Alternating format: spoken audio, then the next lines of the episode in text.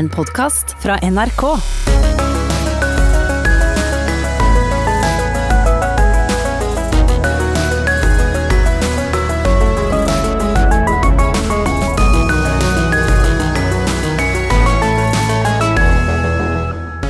Han ene har skrevet hundrevis av tekster om tru og tvil, og er til teolog å være svært folkekjær.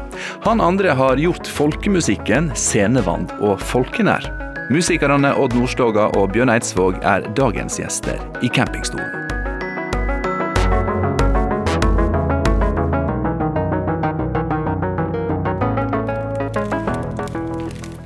Jeg er stadig på hytta til Bjørn Eidsvåg på Geilo, fremdeles med han og Odd Nordstoga ved mikrofonen. I denne programserien som jeg har holdt på med i sommer, så har det jo ikke vært til å komme ifra at eh, det har vært mye snakk om koronakrisa og de mange følgene ved den. Eh, fordi den har prega mange av oss i våre liv på ulikt vis. Eh, og ei utfordring som mange har møtt, det er jo at det før så attraktive heimekontoret, det opplever enkelte nå som hemmende for kreativitet og skaperkraft. Da må jeg spørre Odd Nordstoga, hvordan fungerer heimekontor for en låtskriver som deg? Helt topp. Jeg har alltid hatt det. Har bare Ja. blitt større og større. Helt siden jeg var student i Bergen og kom til Oslo og har lyst til å satse på musikk. Har et litt, lite slikt porterstudio, som det heter. Så er liksom den der eh, skrivepulten med stereo-høgtalere og mikrofonstativ og opptaksmuligheter, det er liksom Nei, det syns jeg er en fantastisk plass. Men du er jo familiefar, du har barn Ja. i skolealder. Har du greid å kombinere skolearbeid og spilling og skriving? Eh, ja, du tenker på noe i koronaen, du? Ja, mest av alt. Ja, det var litt, eh, litt slik jeg måtte Det blei lite slik høg, høglytt synging og gauling på kontoret mitt når jeg visste at datteren min satt rett med sida av og drev med heimeskole. For jeg liker ikke, hvis jeg vet at det er noen i huset, så liker ikke jeg å drive og søn... Liker ikke, liker ikke at jeg vet at folk hører at jeg driver på med. Du vil ikke ha publikum? Nei. det er helt riktig. Er ikke det litt overraskende, Bjørn? Nei, overhodet ikke. Det er veldig gjenkjennelig. Altså, jeg, jeg utstår ikke og bare det å tenke at folk er i nærheten. Jeg holder på å prøve ut og teste ut ting og, ting, og synge og, og synge da, finne ut at nei, nå synger jeg altså, altfor høyt. altså en toneart, Jeg må ned flere tonearter. Alt det der greiene altså det, Jeg er sikker på at det høres aldeles grusomt ut å sitte og høre på. Så det publikum kan komme når jeg er ferdig. når, når det er klart, da kan det komme. Men det vi skal snakke om i dag, er altså kreativitet. Fordi jeg tenker at eh, er det noen som kan lære oss et par triks og knep om eh, hvordan tenke nytt og skape nytt, så er det dere to. Eh, og da lurer jeg på, Bjørn, hvor er det du skriver best? Ja, jeg skriver best i skrivestua mi. Og altså, jeg, jeg samler opp masse ideer. Jeg, jeg bruker telefonen en del til å både til å, til å spille inn korte snutter, melodisnutter som jeg kommer på, og ikke minst notere tekstideer. Og så går jeg bare på det inntil eh, jeg har satt av da Som regel så er det september og januar. Da skriver jeg sanger. Så da drar jeg, og så har jeg med meg den sekken med ideer og sånne ting. Og så har jeg satt av en måned som jeg skal holde på. Og, og for meg er det da viktig å komme inn i den modusen. altså det, At jeg, at jeg uten forstyrrelse har lov til å holde fokus på at nå skal jeg prøve å skrive sanger. Og det funker som regel alltid. Eh, Så nå har jeg holdt på med dette og er midt inne i den prosessen. Så når dere forlater meg snart, så skal jeg ned og, og liksom gå gjennom det jeg har skrevet for å pusse og, og, og holde på og se om det er noe som mangler, og om det er noe som, som må suppleres. Og det er, da har jeg kommet til et sted som jeg elsker å være. Og jeg bare akkurat hva jeg vil, og, og som, men som regel så er det så jeg er forholdsvis disiplinert. Altså Jeg jobber liksom stort sett da fra tolv til seks eh, hver dag. Det er liksom det min mest produktive tid. Så jeg står opp før tolv, men jeg, jeg, jeg liker å lese et par timer før jeg går ned der. og da For da, da, da akkurat jeg kjenner at nå har jeg fått litt påfyll. og nå kan det, det er ikke sikkert jeg kan bruke det jeg leser, eller sånne ting, men det er noe, det er noe det, det, altså, Kolben Falkeid, han, han Jeg elsker han, eh, det han skriver. Så jeg, jeg leser alltid Kolben Falkeid før jeg sjøl begynner eh, og skal skrive. og Det er et eller annet med å komme inn i en eller annen sånn lyrisk eller poetisk verden. Og han, bruker jo, han er jo fra Haugesund, og han har på en måte han er veldig nært mitt språk. Så, så Kolbein har i alle år vært en stor inspirasjon i den prosessen. Mm. Bruker du noen sånne springbrett, eh, Odd, for å komme i modus? Jeg, må, jeg jobber Jeg skulle ønske jeg kunne sette meg på et hotell i Firenze og skrive låter, men når jeg skulle være ærlig med meg sjøl, så er det best å sitte på det der heimekontoret mitt.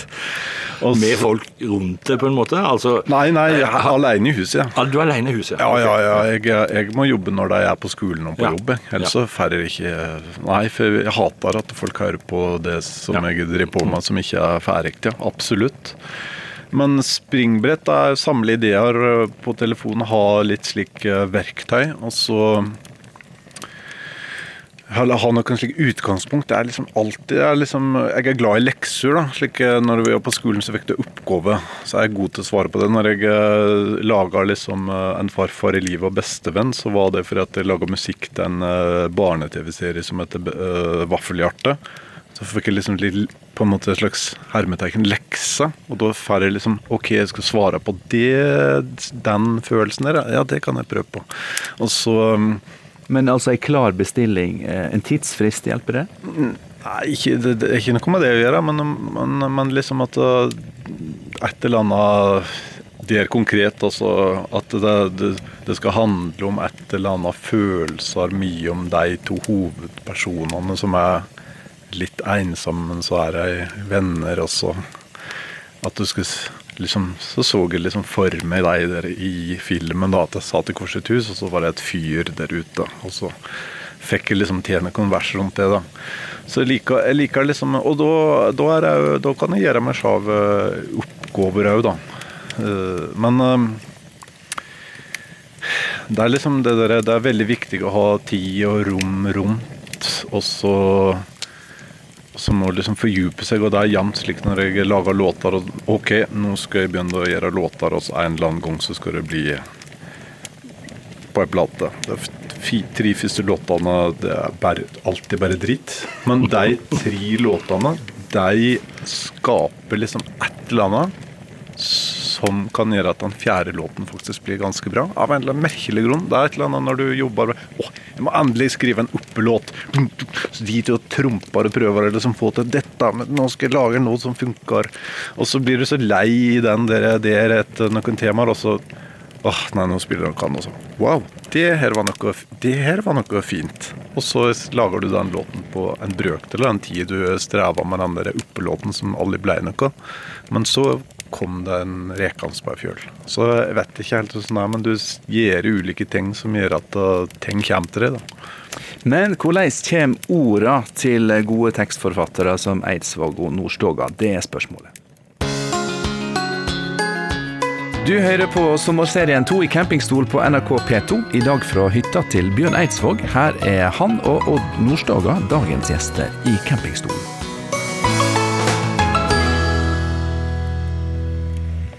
Jeg er jo en av de som savner kontorfellesskapet, liv og røre rundt meg i arbeidsdagen. Og så tenkte jeg jo at hvem er vel bedre å spørre til råds enn to som eh, dere, som eh, har skrevet dere med store bokstaver inn i musikkhistorien, og der tekstene er en vesentlig del av den kulturarven dere står bak. Så da er jo spørsmålet, Bjørn, hvordan i all verden kommer disse orda til deg? Eh, Paul Simon sa en gang at eh, det, viktigste for han for å få til en, en, sang, var at han måtte ha den første setningen. Altså, Han leita og leita og leita etter den aller første setningen som skulle sette tonen og liksom sette opp bildet hvordan dette var. Og det kjenner, det kjenner vi igjen i. Altså, det, jeg går lurer, går tur her oppe og tenker og, og prøver liksom å finne innfallsvinkel. For jeg, jeg aner tema. Altså, jeg vet på en måte hvor jeg vil. Og så må jeg bare få den starten som gjør at at, ja, Der jeg rett og slett blir inspirert av min egen setning. Eller altså den, den setningen som jeg skriver ned, den gir meg plutselig noe annet enn det som var forventa, og, og, så tar sangen kanskje en helt annen retning. og Dette er noe av det aller kjekkeste med, å, med den jobben jeg har, er å rett og slett se hvor, hvor disse sangene ender. Melodien kan, kan, ta sangen en helt annen vei. Og, og, en annen ting som jeg er opptatt av, det er at, at vokaler og konsonanter eh, må være plassert riktig i en låt. Altså det det, det, det, er jo musikk. Altså Det har noe med rytmikk å gjøre. Og så har vi jo Nå vil jeg at Odd skal snakke. For ja, for, skal det nå, for vi har jo tilfeller her med dobbel betydning. Odd, vi har jo begge hørt på eh, låta 'Kan det snu'. Hvem har vel kunnet unngå å høre den, så mye den har blitt spilt? Og der høres det ut som Bjørn sier at det helvete er nåde. Og det har vi begge to stussa på. Ja, det stussa jeg litt på, for jeg trodde nåde var eh, veldig bra. Og så Men jeg tenkte litt på det, da. Så viser det seg at nå det. At det helvete er Helvete er nå det, Bjørn Eidsvåg. Ja. Og dette gjorde du helt med vitende og vilje? Ja, dette var med vitende og vilje. Men jeg, jeg, hadde jo det altså Når jeg synger det live, så, så, har jeg en litt viss glede av å få det til å høres ut som at jeg synger 'Helvete er nåde'. Eh, og det er jo fordi at det er òg et bilde, da. Altså, noe er verre enn helvete. Så den forvirringen rundt det, det er helt greit. Ja, men så lærte vi forrige, i forrige episode at det kan snu, heldigvis. Odd, når du skriver tekster eh, og melodier, hvor, hvor, er det du begynner? Jeg begynner uh, på begynnelsen.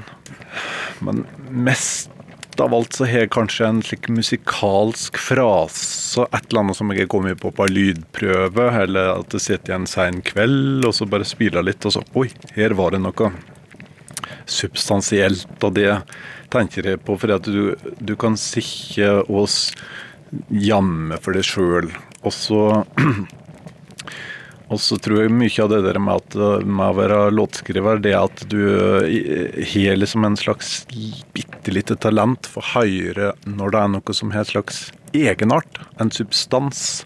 Og da hvis jeg føler at oi, her er det, her er det noe substans, så tar jeg opp det. Og så, og så er det ofte at, at det blir ei jakt på et slags ord som ligger i den der følelsen der, da. Det kan det være.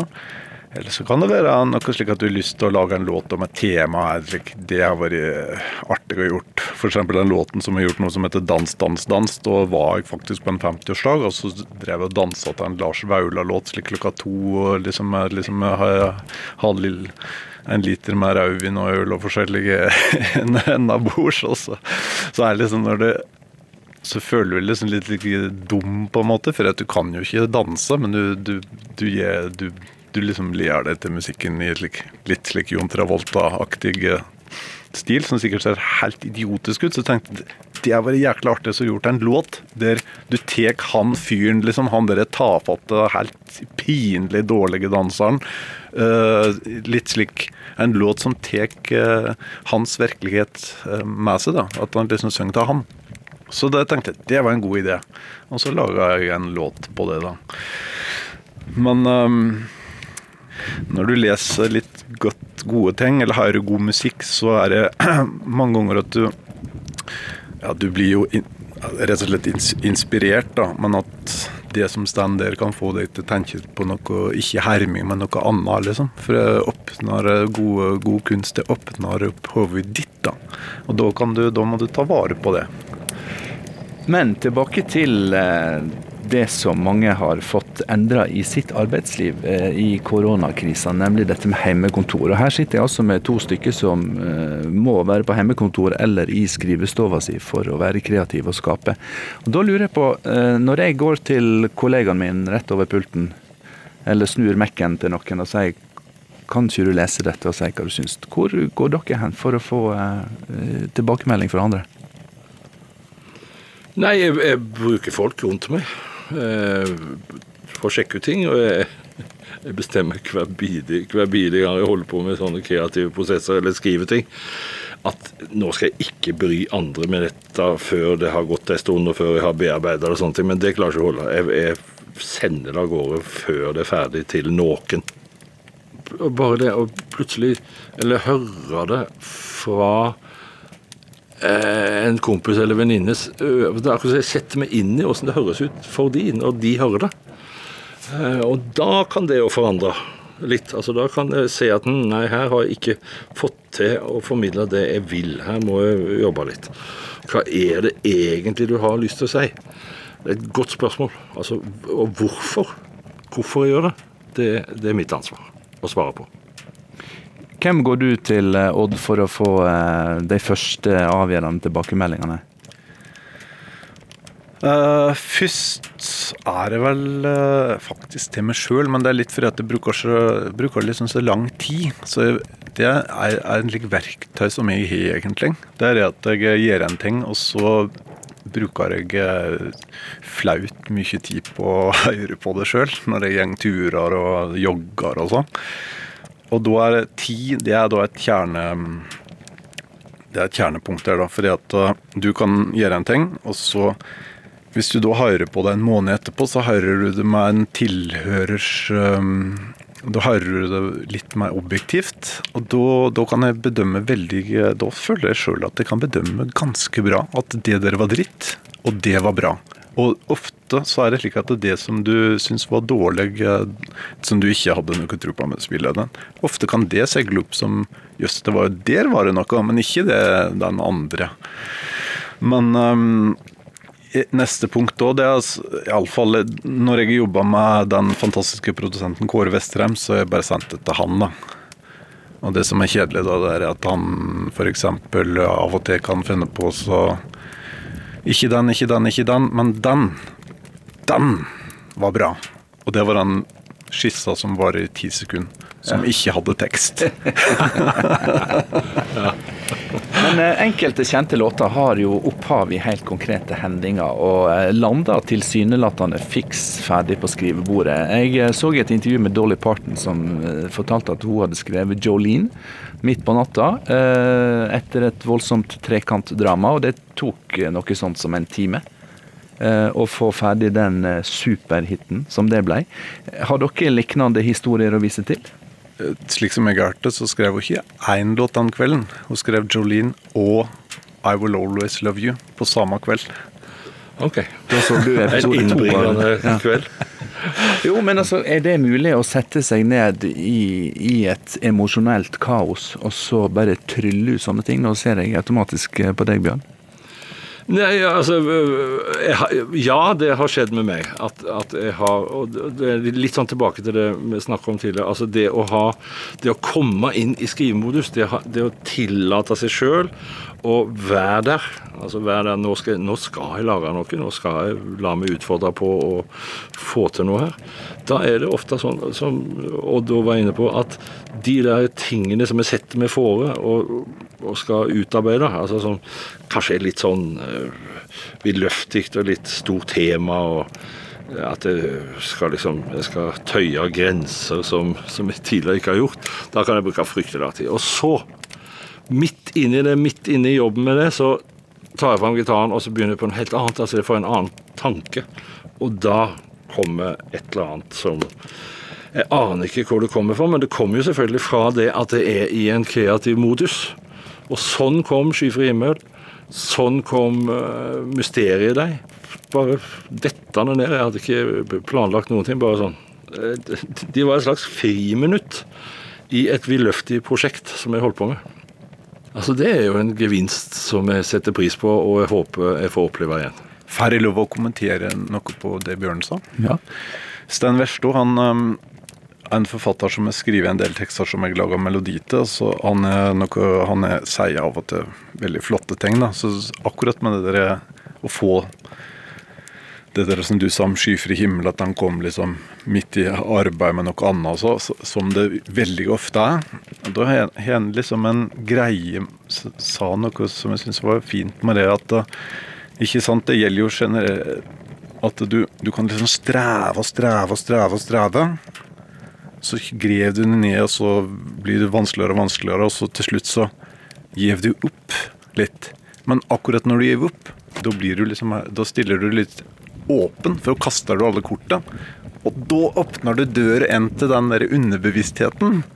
Som plutselig boits, Da slipper du ut det som kommer der, som kommer helt slik fra, som du ikke vet helt hvor kommer fra. Så det, det er noe med det. Men hører jeg nå at dere sier at det beste dere har gjort, er noe dere egentlig ikke har prøvd på? Ja, jeg, jeg har jo prøvd på det. Altså, jeg prøver jo stadig vekk å lage de beste sangene som noensinne er laga. Men det var ikke skyfri himmel du setter deg ned for å skrive? Nei, det er riktig. Det, det, er riktig. Det, da har jeg nok gått og grunna på det temaet. Altså det, det, er sånne episoder som jeg har vært gjennom og jeg har tenkt at dette må, dette må jeg skrive en sang om. Dette må også liksom ikke enten tatt det eller, eller fått det til. Men, men, plutselig så ligger det da i, bak den døra, og en har nesten forma seg ferdig. Så ja. Jeg ser akkurat samme vis. Den ble skrevet på 15 minutter. I dag er campingstolene satt opp på hytta til Bjørn Eidsvåg på Geilo. Hit til skrivestova på fjellet har han også invitert Odd Nordstoga.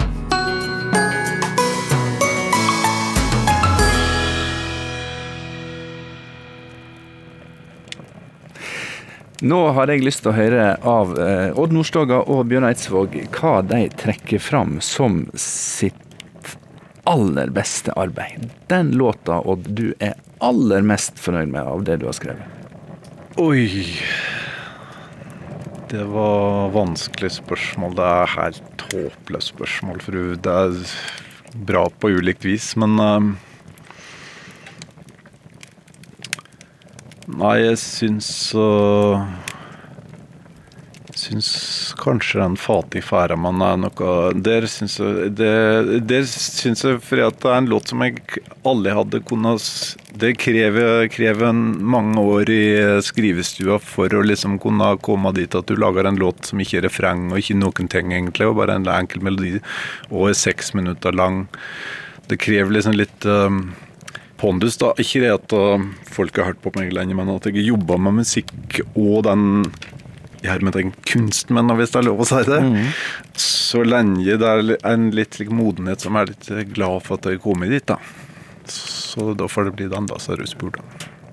Jeg er enig med Odd at det er helt umulig å svare på. Altså, og, og, for meg å skulle plukke ut noen av hans eller egne. Men, men jeg er iallfall enig med at altså, jeg, jeg, liker så godt den beskrivelsen der, Odd. Altså det med å ha baller nok til å gjøre det på, på sin måte. Da. Altså, du har på en måte erfaringen og, og altså, tiltro til at jeg kan noe her, så jeg lar det stå til.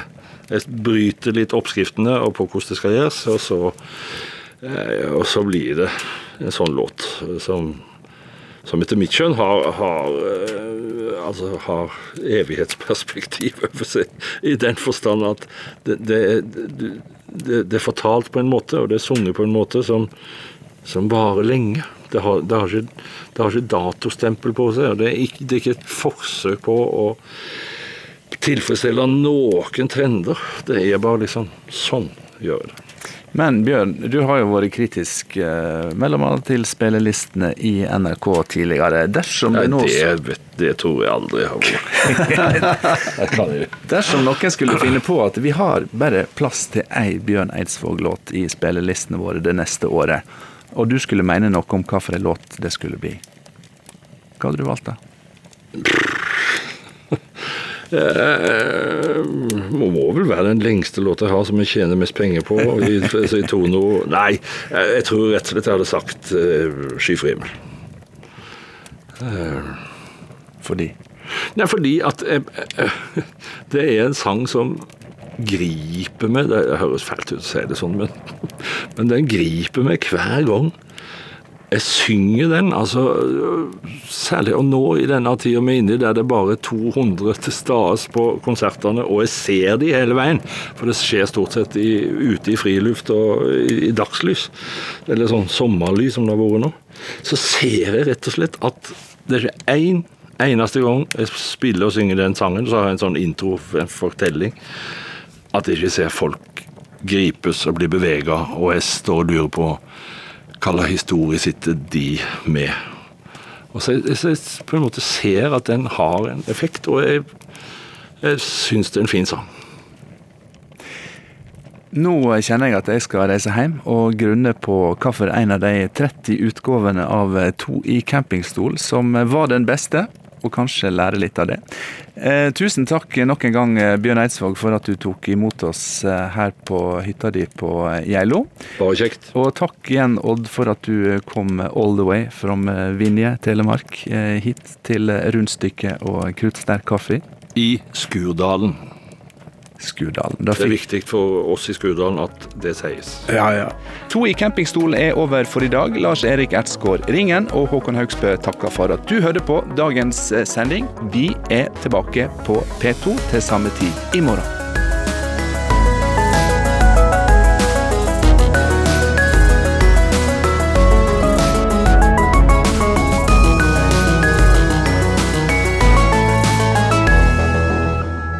Hørt en podkast fra NRK. Hør flere podkaster og din NRK-kanal i appen NRK Radio.